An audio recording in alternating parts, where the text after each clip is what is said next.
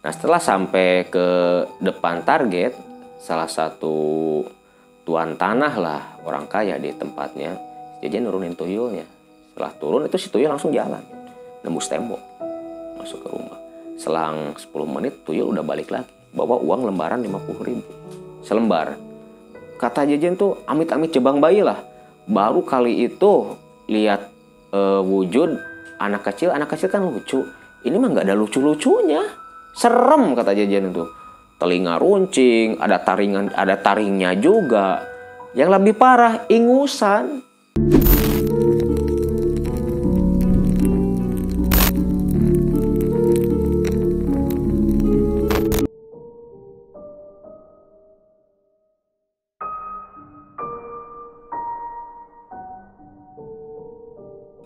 Assalamualaikum Kang, gimana kabarnya Kang? Alhamdulillah sehat. Nah, udah lama nih eh, kita nggak upload video tentang cerita pesugihan. Sugihan ya. Apakah Kang Maman masih punya cerita tentang pesugihan Kang? Pesugihan ada pesugihan tuyul kalau yang ini. Nah, kejadiannya ini udah lama atau masih baru Kang? Ya bisa disebut baru lah. Ini kejadian tahun 2010-an, 2010 kemarin. Baru 10 tahunan berarti. Nah, jadi ceritanya seperti apa sih Kang? Oke, jadi gini di satu daerah kampung ya. Nah, hiduplah tiga sekawan, tiga sahabat itu kan. Kebetulan tiga sahabat ini memang eh, sahabat dari kecil, teman main dari kecil, main bareng, sekolah bareng, gitu kan. Nah, namanya ini si Jejen, Udin sama Yono. Nah, mereka ini memang satu RT, satu desa, satu kampung. Eh, orang tua mereka juga berteman baik jadi anak-anak juga ikutan ikut-ikutan kayak orang tuanya berteman baik bersahabat juga. Nah kebetulan dari kecil memang dia yang tiga orang ini sekolah bareng dari mulai SD SMP sampai SMA nah setelah eh, keluar SMA tiga orang ini eh, terpisah tapi terpisah di sini eh, terpisahnya nggak terlalu jauh masih satu kota. Cuman beda kecamatan doang gitu kan. Udah pada eh, berumah tangga udah pada eh, mandiri lah. Misah dari orang tuanya gitu kan. Nggak tinggal bareng. Yang masih tinggal bareng si Jejen doang di kampung itu itu kan. Si Udin sama si Ono udah pisah rumah gitu kan. Nah satu hari mereka kan eh, punya grup ya di Facebook. Punya grup gitu kan grup alumni lah alumni SMA SMA negeri sekian lah nggak saya sebutkan. Nah satu waktu si admin admin eh, grup ini ngasih info acara reuni. Nah, reuni reuni ini eh, reuni teman-teman SMA angkatan si Jejen sama si Udin Nah, acaranya reuni itu di salah satu kafe lah. Kafe di kotanya si Jejen, dekat eh, nggak jauh lah dari eh, bekas SMA-nya dulu gitu kan. Nah, singkat cerita si Jejen ini setelah dengar setelah lihat kabar di grup acara ada acara reuni ya siapa tahu kan ketemu lagi nih sama si Udin sama si Yono udah lama gak ketemu orang udah pada sibuk kerja gitu kan jadi jarang kumpul-kumpul. Nah singkat cerita eh, berangkatlah si Jejen ini ke tempat reunian. Acaranya kan eh, sekitaran jam 12 siang habis duhur di kafe bintang lah kita sebut kafe bintang aja. Bukan kafe remang-remang loh kafe biasa aja tempat makan nongkrong anak muda gitu. Nah, setelah sampai ke lokasi kafe, si Jejen celingak celinguk kan. Nih di mana sih acaranya? Katanya di kafe, tapi kumpulnya di mana gitu kan. Nah, setelah nanya ke resepsionis, "Mbak, eh, yang ada acara reuni SMA tuh sebelah mana sih?" "Oh, yang reuni Mamas di belakang. Itu di aula. Ada aula khusus yang buat tempat reuni ketemuan mah." Gitu kan. Seperti tempat buat rapat, meeting segala macam gitu kan. Memang yang datang ini nggak banyak cuman ya dan kebetulan cowok semua yang datang. Angkatan si Dudung angkatan si Jejen ini. Ah, sebelah mana mbak? Di belakang mas. Jalan aja ke sini nih. Jalan belakang gitu kan masuk sana. Telah sampai kedengeran rame nih. Wah beneran nih. Anak-anak udah pada kumpul kata si Jejen. Masuk. Nah disambut lah sama si Yono si Udin. Jadi si Yono si Udin udah di dalam duluan. Udah datang duluan. Jejen gitu kan. Sambil teriak biasa agak lebay dikit gitu kan sahabat dari kecil nggak ketemu kan. Belum udah lama nggak ketemu gitu. Jen sehat lo Jen? "Ya, sehat lah. Badan mah kalau saku ya tau lah lagi sakit. Gitu kan. Ya elah Jen jangan bilang-bilang sama juga kita masalah saku mah. Udah bisa yuk ngobrol-ngobrol ngobrol-ngobrol gitu kan. Udah lama gak ketemu kata si Yono ya. Nah, si Jajan si Udin si Yono misah dari teman-temannya yang lain. Misah di pojokan duduk di sofa gitu kan. Di pojokan duduk di sofa cerita-cerita lah curhat gitu kan. Masalah kehidupan masalah ekonomi masalah asmara juga gitu. Nah jadi kebetulan si Jajan Udin sama Yono ini karena mungkin sudah diatur dari sononya ini tiga orang ini sama-sama susah gitu kan susah secara ekonomi tapi nggak susah-susah amat sih. Ya sederhana lah hidupnya gitu kan. Jen kerja di mana nih sekarang si Udin. Dagang eh ya. Dagang apaan? Dagang sayuran di pasar gitu kan.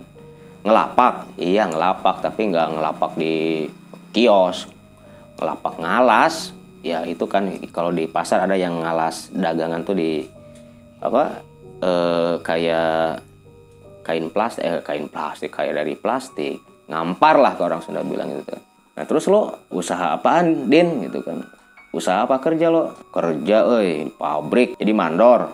Boro-boro mandor jadi buruh. Kalau jadi mandor gua agak senengan dikit lah. Ini jadi buruh tahu sendiri gaji berapa UMR ya cukup lah buat makan sih tapi kalau mau buat istilahnya pengen hidup senang kayak orang ya nggak sampai jen gitu kan. Nah terus Yon lo usaha apaan sekarang? Sama aja sih saya kayak si Udin. Oh, si Udin masih mending jadi buruh pabrik lah gua jaga toko kata si Yono ini. Toko apaan? Toko emas. Lumayan kan toko emas. Tiap hari lo pegang emas. Ya pegang doang gitu kan. Gua cerita ceritanya aja kerja di toko emas. Bini gua bukan pakai emas pakai perak. Cuman yang kayak emas itu tuh yang imitasi biar kelihatan ya gitulah pencitraan lah. Masa suami di toko emas gak punya emas kan? Pun gua cuma tukang ngepel doang di toko emas kata si Yono ini aduh kirain lo ada yang hidup agak senengan dikit mau numpang gitu kan kata si Jejen ini. Numpang apaan lo Jen? Ya numpang nyari kerja numpang hidup lah. Siapa tahu aja kan bantulah sama teman gitu gitu ini. Ya boro-boro bantu orang lain Jen. Buat diri sendiri aja kita pas-pasan kata si ini. Nah, terus cari inisiatif dong.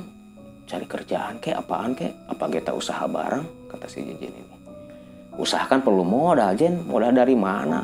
Kalau kita nginjem masih mending usahanya jalan. Kalau nggak jalan babak belur lah gitu kan kata si Udin. Ya coba deh cari inisiatif apa ke lah. Yang penting bisa kaya kata si Jajan kalau kita kaya kan lumayan punya banyak uang. Kita bisa beli segala macam kan mobil rumah. Nah akhirnya si Udin nih nyeletuk gitu kan. Gimana nih kalau nyari duit yang cepat? Cepat kaya tapi kita nggak usah capek gitu kan kata si Udin emang ada din? Ada sih. Gua pernah baca di internet. Katanya di Jawa Tengah tuh ada yang jual beli tuyul eh. kata si Udin yang beneran? Ya beneran coba lihat cari-cari aja di internet ada kok gua udah dapat alamatnya sih. Memang gua sebelum ke sini udah niat. Cuma kebetulan lo pada ngomong ya gimana kita bareng aja ke sono?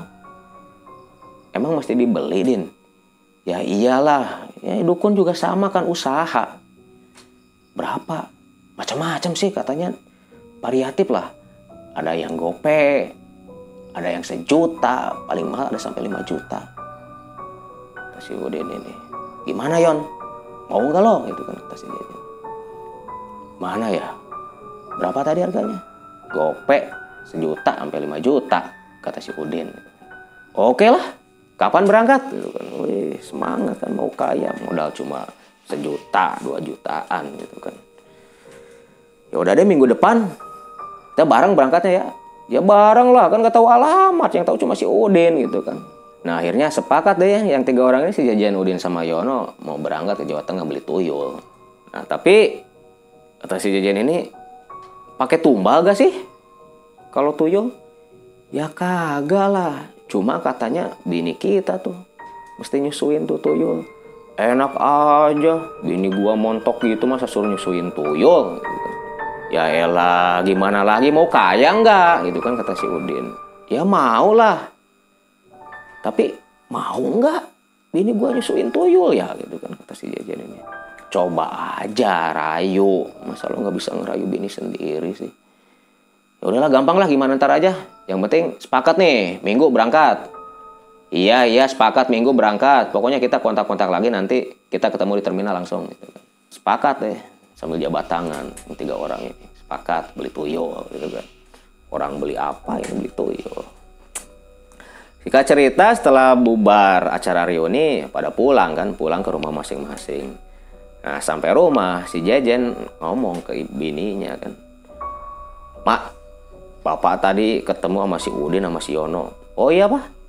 Pada sehat tuh si Yono sama si Udin. Udah lama kan gak ketemu. Dulu waktu ketemu waktu lahiran si Ade gitu kan kata bininya ini.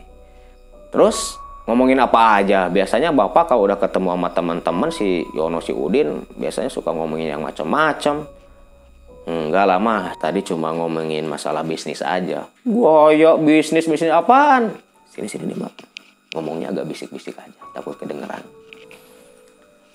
Emang bisnis apaan pak? Itu kan. Gini mak bapak kan tadi habis ngomong sama si Yono si Udin. Nah kata si Udin eh, di Jawa Tengah tuh ada yang jual beli tuyul mak tuyul. Nah, emang bapak mau? Ya udah sepakat sih kita mau hari Minggu besok kita berangkat ke sono ke Jawa Tengah. Jauh emang bapak punya duit? Ya kagak sih. Emang ada simpenan nggak? Ada sih. Emang syaratnya apa aja sih? Ya itu mah yang jadi masalah. Emak mau nggak nyusuin tuyul? Gila masa nyusuin tuyul sih pak? Emang rela bini segini cantiknya suruh nyusuin tuyul gitu kan kata istrinya ini. Ya gimana lagi? Mau nggak? Ntar kita bisa kaya loh kalau nyusuin tuyul. Cuma nyusuin doang mak sama aja kayak nyusuin si ada waktu bayi. Masa sih pak cuma gitu doang? Ya gitu doang. Katanya sih ya ntar aja lah gimana kata dukunnya gitu kan kata si Jenny tapi bener nih pak cuma nyusuin doang iya mak nyusuin doang gak lama kan nyusuin si ada juga paling cuma berapa menit gak sampai setengah jam. Iya sih tapi bapak emang rela. Ya buat masa depan kita. Berkorban kan kata si Jejen ini. Ya udah tuh pak. Emak ada sih tuh eh, simpanan mah tapi buat bekal anak sekolah. Awas ya kalau bener kalau nggak kaya tahu rasa loh pak gitu. kata istrinya. Nah akhirnya eh, karena udah sepakat gitu kan jadi beli tuyul ke Jawa Tengah. Nah setelah itu Jajan langsung kontak nih si Udin sama si Yono. Din Yon gimana? Jadi kan? Jadi Jen. Ketemuan langsung lah di terminal jam 7 jam 7 mesti udah di terminal. Oke siap gitu kan kata si Jajan ini. Nah singkat cerita hari minggunya jam 6 pagi si Jajan udah berangkat pamitan ke istrinya mau ke terminal mau beli tuyul. Ya udah pak hati-hati di jalan. Selamat sampai tujuan ya pak gitu kan. Kata bininya ini. Jangan lupa beli tuyulnya jangan yang jelek gitu kan. Ya namanya tuyul mak masa ada tuyul ganteng gitu kan kata si Jajan ini nah, berangkat lah Jajan Udin sama si Jajan ini ke terminal. Tadi terminal nyampe terminal jam pas banget jam 7 soalnya memang sekitar satu jam lah dari kampung si Jajan ini. Sampai jam 7 nah si Udin sama si Yono udah standby di sana nungguin si Jajan itu kan. Lama lama banget sih lo Jen. Kita nungguin sampai setengah jam nih. Ya maaf kan jauh dari rumah ke sini. Ya udahlah nggak usah dibahas lah. Bisnya udah ada nggak? Ada tuh udah mau berangkat bentar lagi juga. Ketinggalan gimana gitu kan kata si Yono. Ya udah tuh ayo ayolah naik gitu kan. Naiklah ke bis. Nah di jalan kan mereka duduk berdempetan kan. Ada kan kursi yang buat tiga orang tuh rupanya nah si Jajan nyeletuk. Din bini lo gimana? Suruh nyusuin tuyul. Emang kenapa? Ah bini gua sama awalnya marah. Ya sama lah Jen. Marah juga tapi pas di rayu-rayu lah diiming-iming uang harta bisa kaya. Terus ya gimana loh sama juga lah nggak jauh beda sama kalian gitu. Ya udahlah kalau gitu mah. Tapi beneran nih kan kita bisa kaya nih. Bisa. Pasti bisa Jen kan tuyul kerjanya nyari duit. Kita cuma tinggal ongkang-ongkang kaki doang. Yang kerja kan tuyul nyari duit. Kita mah nunggu store-store aja dari tuyul gitu kan. Upahnya juga enteng cuma nyusu doang gitu kan. Nah setelah bercakap-cakap tidur kan mereka. Emang ya, agak jauh juga lah. Perjalanan ke Jawa Tengah itu sekitar 6 jam. Nah singkat cerita eh, sampai di terminal di Jawa Tengah si Udin ini nyari-nyari ojek Soalnya memang akses ke tempat si dukunnya ini nggak ada akses kendaraan roda 4, cuma bisa pakai motor. Karena memang katanya di daerah pelosok kampung gitulah. Di bawah kaki gunung, katanya nggak tahu gunung apaan gitu kan. Cuman katanya di bawah, di bawah kaki gunung rumah si dukunnya ini. Nah setelah nyari-nyari ojek, nemu pangkalan, nyamperin si Udin ke pangkalan. Mas, tahu alamat ini nggak gitu kan? Alamat apa pak? Ini nih liatin diliatin kan? Ditulis di kertas diliatin. Oh ini tahu tahu banget. Emang mau ke sana? Ya iya mau ke sana. Masa nanyain gak mau ke sana gitu kan? Berapa orang? Tiga orang. Ya udah tapi cepet ya sekali jalan gitu kan? Kata tukang ojek ini. Mahal amat mas. Ya mahal lah orang jauh gitu kan? Mau nggak nih? Ya udahlah nggak apa-apa. Uh, akhirnya nyari temennya lagi nih si tukang ojek ini. Ada tiga ojek dan tiga motor. Boncengan berangkat. Setelah sampai di rumah kuncen rumah dukunnya gitu kan memang agak lama juga perasaan si Udin tuh kira-kira sekitar perjalanan sejam lah dari terminal ke rumahnya si kuncen ini si dukun ini ya. Nama dukunnya ini Mbah, eh, Mbah Warso. Namanya Mbah Warso udah sepuh gitu kan. Udah tua tapi walaupun udah keriput udah jambang semua udah apa putih semua rambutnya tapi kelihatan masih sehat gitu kan. Kayak perawakan jawara lah gitu kan. Masih cangkar kalau orang Sunda bilang. Nah setelah sampai halaman rumahnya Simbah Warso turun si Udin Jajan ini bayar ongkos biasa kan. Setelah tukang ojek pada pulang masuk nyamperin ke halaman rumah tiga orang ini nih. Setelah nyampe depan pintu eh, kebetulan memang kedengeran ada orang ngobrol di dalam. Tok pintu misi misi mbah gitu kan. Monggo mas gitu kan. Masuk gitu kan. Masuk. Dari mana? kata si mbah Warso ini. Kita dari Jawa Barat mbah. Ada perlu ke sini. Oh ya udah monggo. Duduk duduk duduk gitu kan. Duduk. Duduknya ya gelar tikar memang rumahnya rumah panggung gelar tikar gitu. Kan setelah duduk kasih minum biasa sama istrinya si Mbah Warso ini. Ada keperluan apa datang sini? Gini Mbah katanya Mbah suka uh, ngasih tuyul ya jual beli tuyul. Iya memang ini anak-anak ini mau beli tuyul. Iya Mbah mau beli tuyul. Emang berapa sih Mbah harganya? Harganya macam-macam ada yang 500 ada yang sejuta yang paling mahal yang 5 juta kata Simbah Warso. Kok bisa sih Mbak emang bedanya apa? Ya bedanya di hasilnya. Kalau yang sejuta itu dari per orang eh, sanggupnya dia bawa 100 ribu. Kalau 2 juta 200 ribu dari satu orang kata Simbah Warso ini. Terus yang gope mbah? Nah kalau yang gope biasanya ya cuma 50 ribu dari satu orang sambil mesem gitu kan si Mbak Warsa ini nah jajan agak curiga nih kok mesem gitu kan. Lah masa sih? Ya, siapa tahu aja lah. Nah si jajan karena memang uangnya pas-pasan gitu kan dia cuma beli yang harga gope.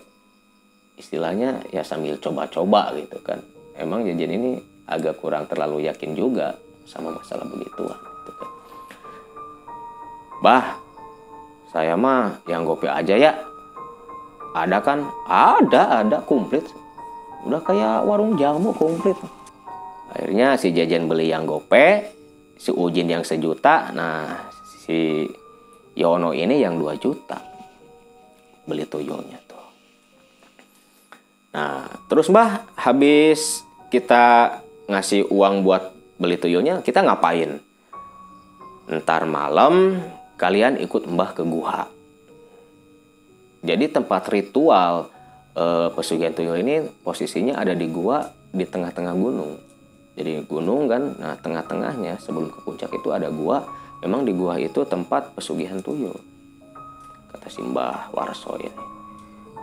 Jam berapa mbah? Ya habis isa lah. Tidur aja dulu kata si mbah. Nah tidur lah suruh tidur kan yang tiga orang ini istirahat di kamar orang perjalanan jauh capek juga. Nah pas adan isa mereka dibangunin yang tiga orang ini dibangunin sama si mbah Warso. Bangun bangun gitu. Mau jadi nggak? Ke gua wah bangun itu orang jadi lah mbah jadi mbah gitu kan. Kan tadi udah dibayar mbah masa nggak jadi? Ya udah pada makan dulu gih. Makan setelah makan berangkat sama si Mbah Warso ini. Nah, jalan malam-malam ke gunung kebayang kan. Malam-malam jalan kaki gelap ke gunung. Ya tapi berhubung dibarengin sama dukun mereka nggak ada istilah takut lah.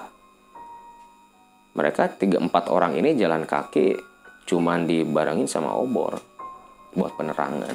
Obor yang dari bambu yang dalamnya pakai minyak. tuh atasnya pakai kayak kain gitu kan buat sumbu obornya.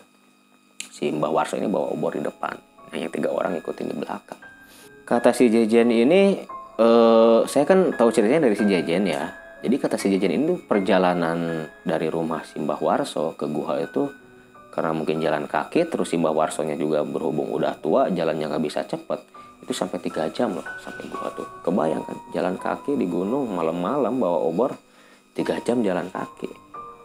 Pegel pasti gitu kan nah setelah sampai ke mulut gua si Mbak Warso ini bibir bibirnya itu kunyem kunyem kayak baca-baca sesuatu lah mungkin baca mantra. Nah, yang tiga orang ini nggak pada ngerti gitu kan. Nggak tahu lah apa yang dibaca apa artinya gitu kan. Tapi pas si Mbah Warso ini selesai baca mantra Nah itu dari dalam gua kata si Jejen tuh kayak angin keluar. Angin kencang itu apa ya kalau orang Sunda bilang nembrag lah ke badan yang tiga orang ini.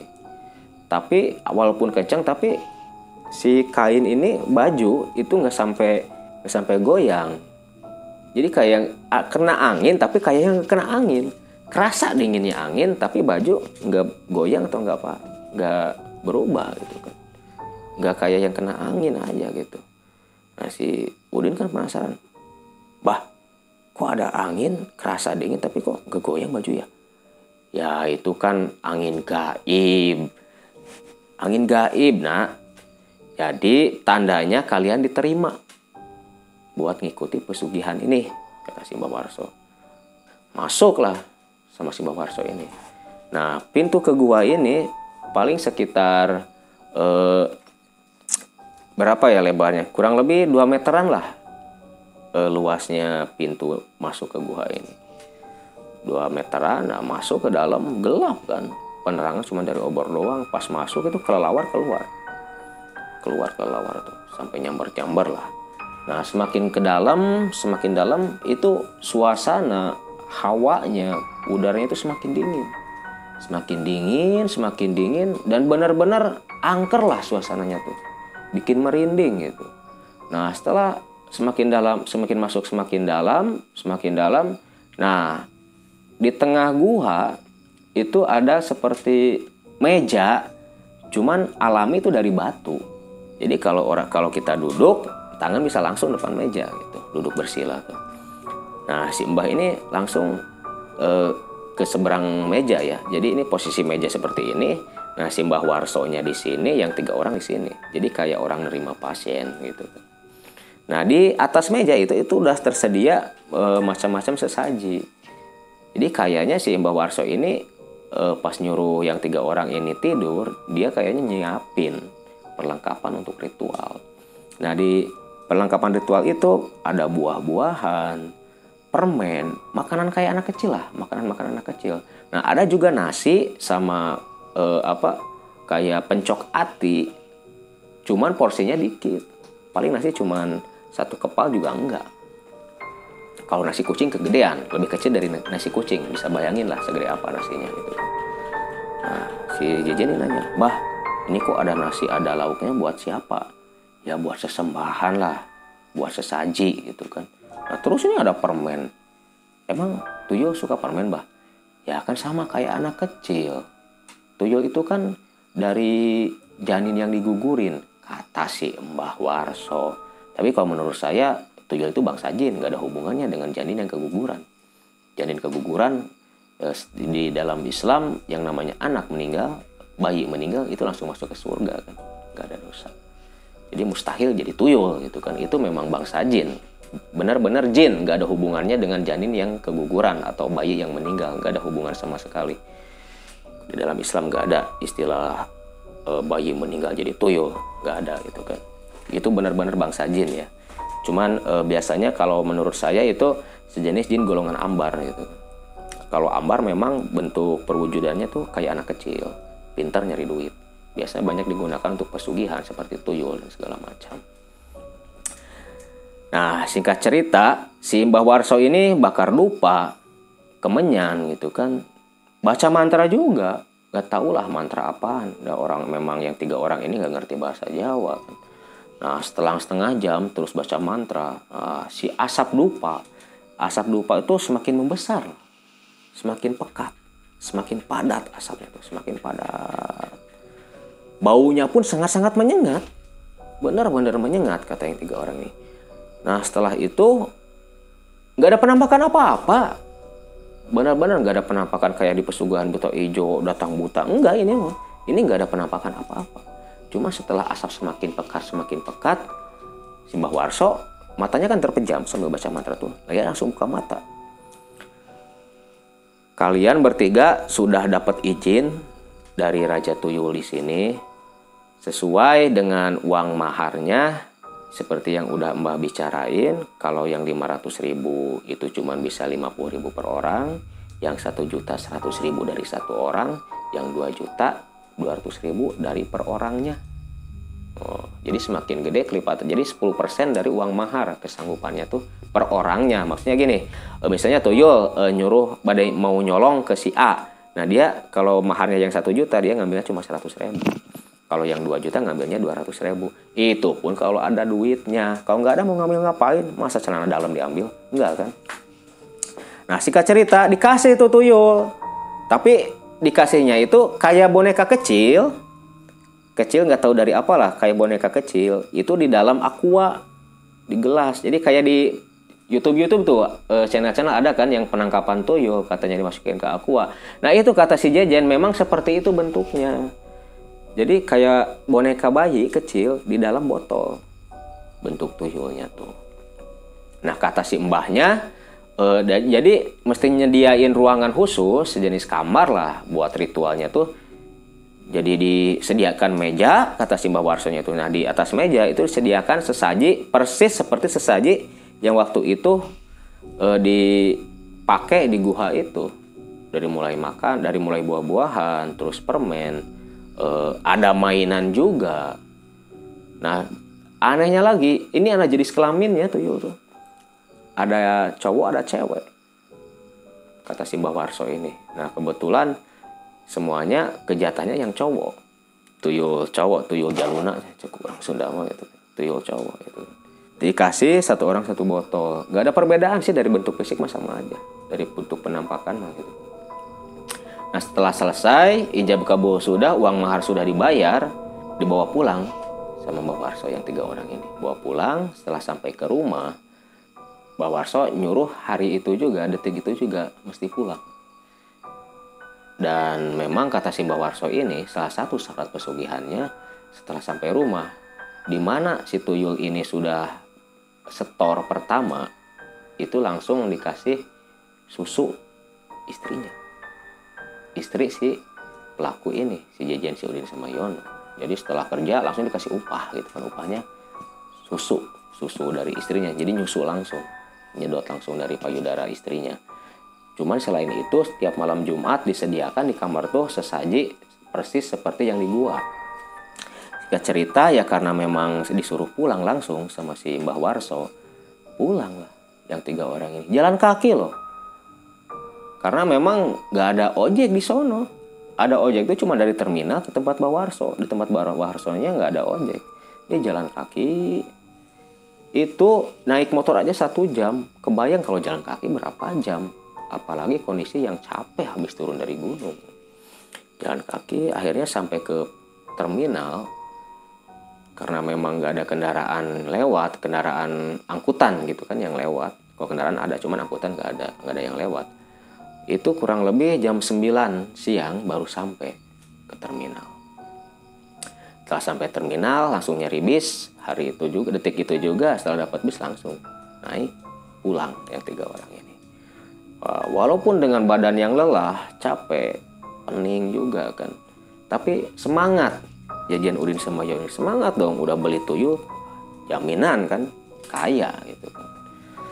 Nah di perjalanan ini selama di perjalanan yang tiga orang ini ngobrol-ngobrol kan Jen kalau kalau udah kaya lo mau bikin usaha apa? Gitu kan.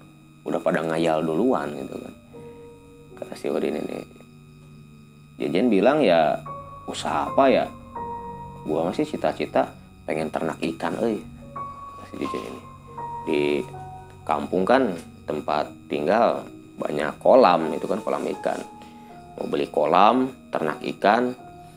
Ya pokoknya jadi pengusaha perikanan lah kata si Jajan ini. Kalau Loyon mau bikin apaan?